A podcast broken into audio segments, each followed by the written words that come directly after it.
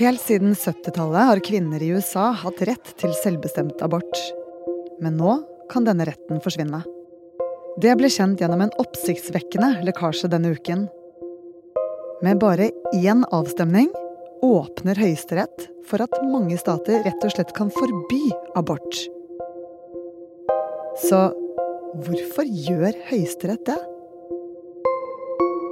Dette er Forklart, og jeg heter Synne Søhol. I dag er det onsdag 4. mai. For å forstå hvorfor Høyesterett gjør dette, så er det viktig å få med seg følgende. September 2020 så døde Ruth Bader Ginsburg. Hun var en eh, meget kjent eh, amerikansk jurist og kvinnesaksforkjemper. Og hadde vært eh, høyesterettsdommer i lang tid. Og, og nærmest ført kvinnesaken frem omtrent på egen hånd. Kjetil Hansen er journalist i Aftenposten og tidligere USA-korrespondent. Og var der den dagen Ruth Bader Ginsburg døde. It's a, it's such a loss. She did so much. You just, you just can't, you can't thank her. Jeg var utenfor Høyesterett den kvelden og så de første som, som, tente lys og gråt. Og var der også neste morgen og, og snakket med folk, og de var sterkt beveget. Just, she was a giant. This tiny. She was so. If you did you ever see her? Yeah. So tiny. You just you you could blow her away with a feather. And yet, what she did, and what she gave us all. Og mange av dem var også urolige nettopp med tanke på det som ser ut til å skje nå. På samme tid var det også valgkamp i USA. Donald Trump var fortsatt president, men lå an til å tape i kampen mot Joe Biden.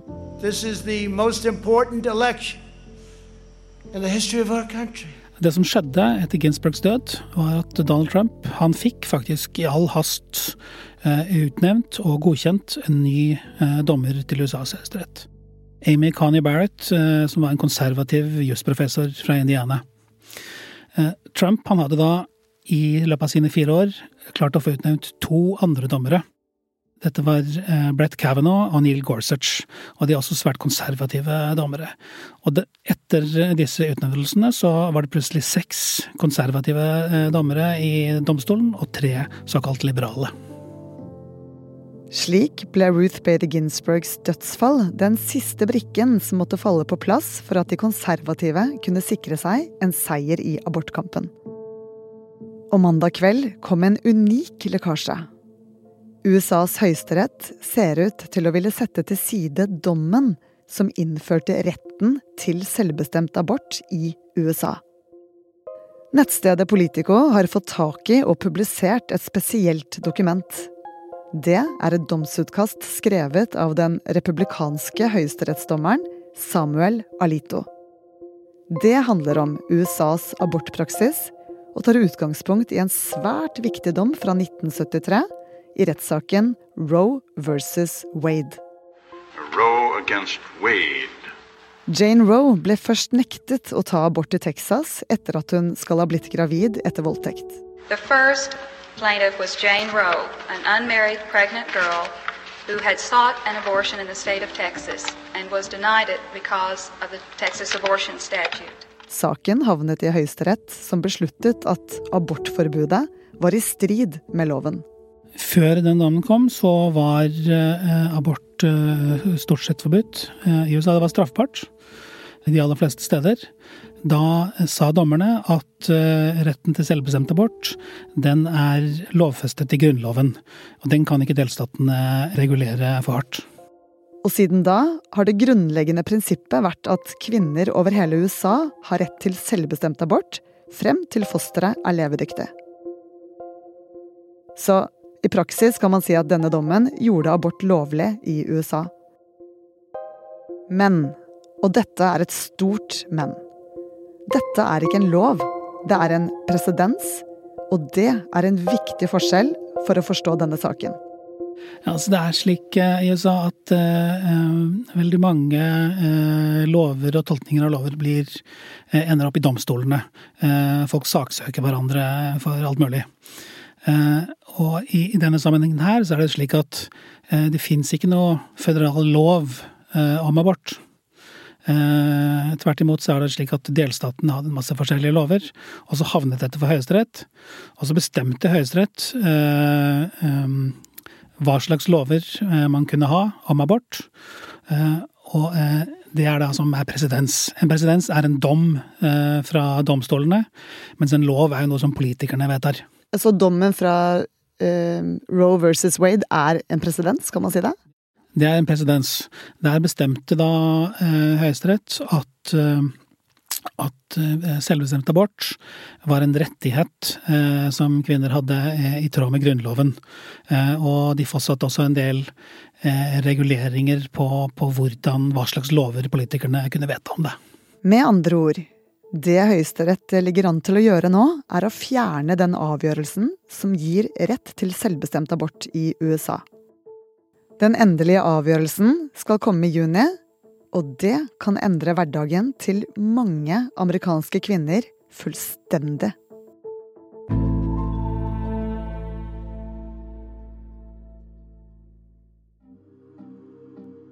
Noe som kan ha ført til at Høyesterett kommer med et nytt domsforslag, er en sak som havnet på bordet deres i fjor. Da Mississippi vedtok et forbud mot abort etter 15 uker ut i svangerskapet, saksøkte abortklinikken Jackson Women's Health Organization delstaten og mente vedtaket var i strid med Grunnloven. Så Kjetil, er det sånn at Jackson versus Mississippi overtar nå for eh, Roe versus Wade? Ja, det blir den eh, nye da, såkalte presidensen.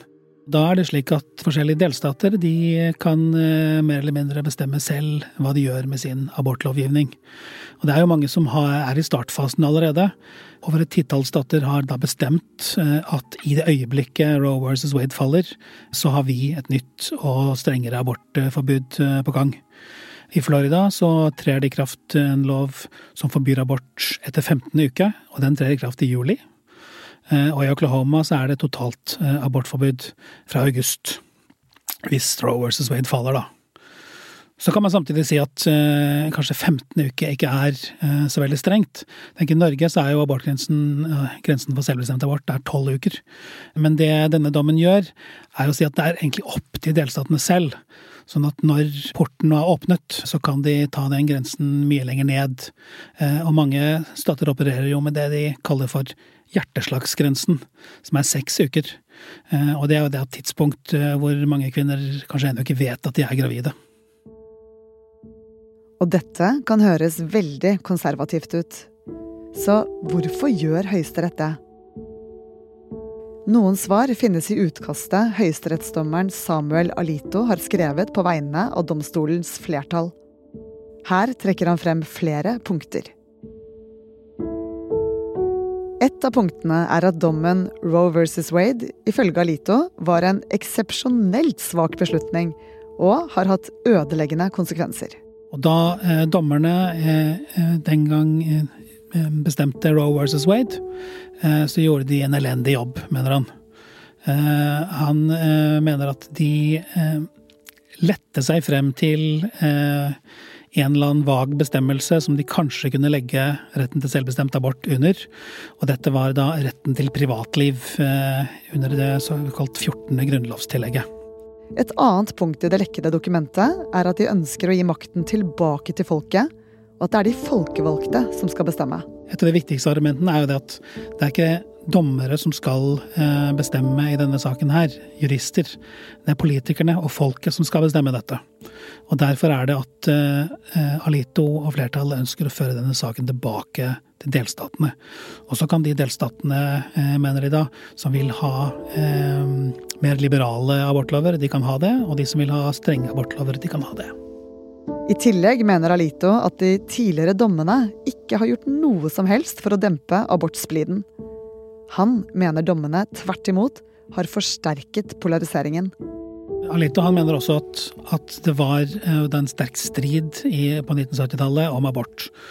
Og at eh, disse eh, dommene som kom i 1973, og så kom den til en, en oppfølgerdom i 1982. og han mener at de bare bidro til å forsterke splittelsen i det amerikanske folk. ikke til å ikke noe forsoning og slikt. Han mener at splittelsen og polariseringen i abortspørsmålet er blitt verre.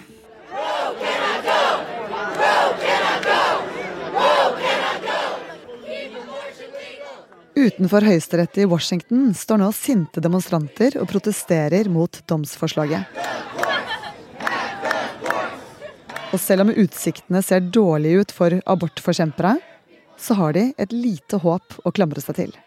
I teorien så kan man tenke seg at noen av de dommerne som, som, som stemte for å gi Mississippi medhold eh, tilbake i desember, at de forandrer mening.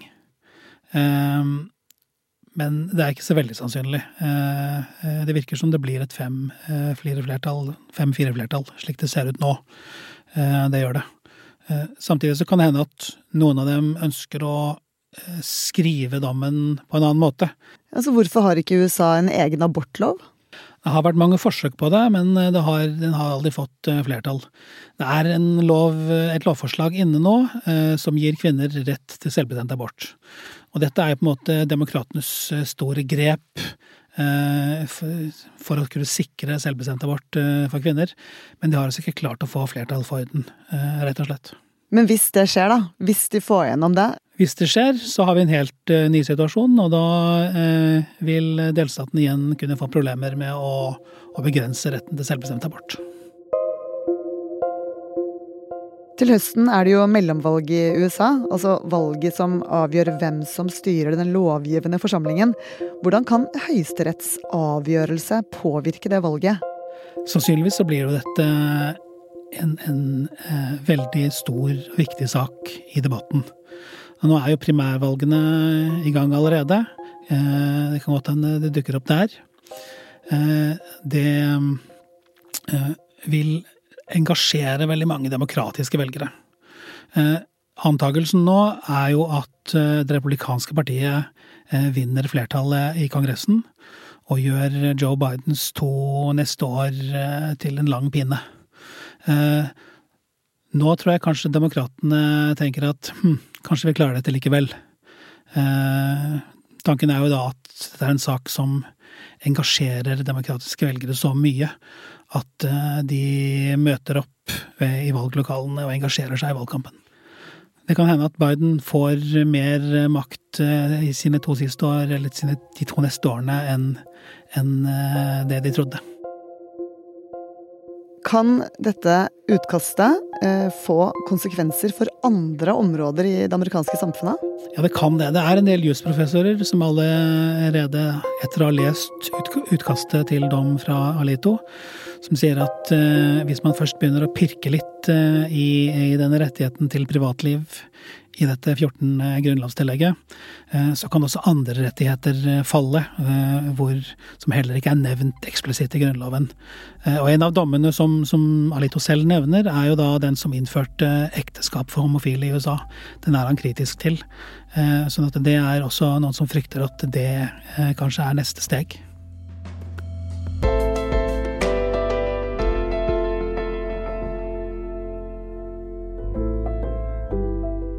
I denne episoden har du hørt journalist i Aftenposten Kjetil Hansen fortelle om lekkasjen i Høyesterett.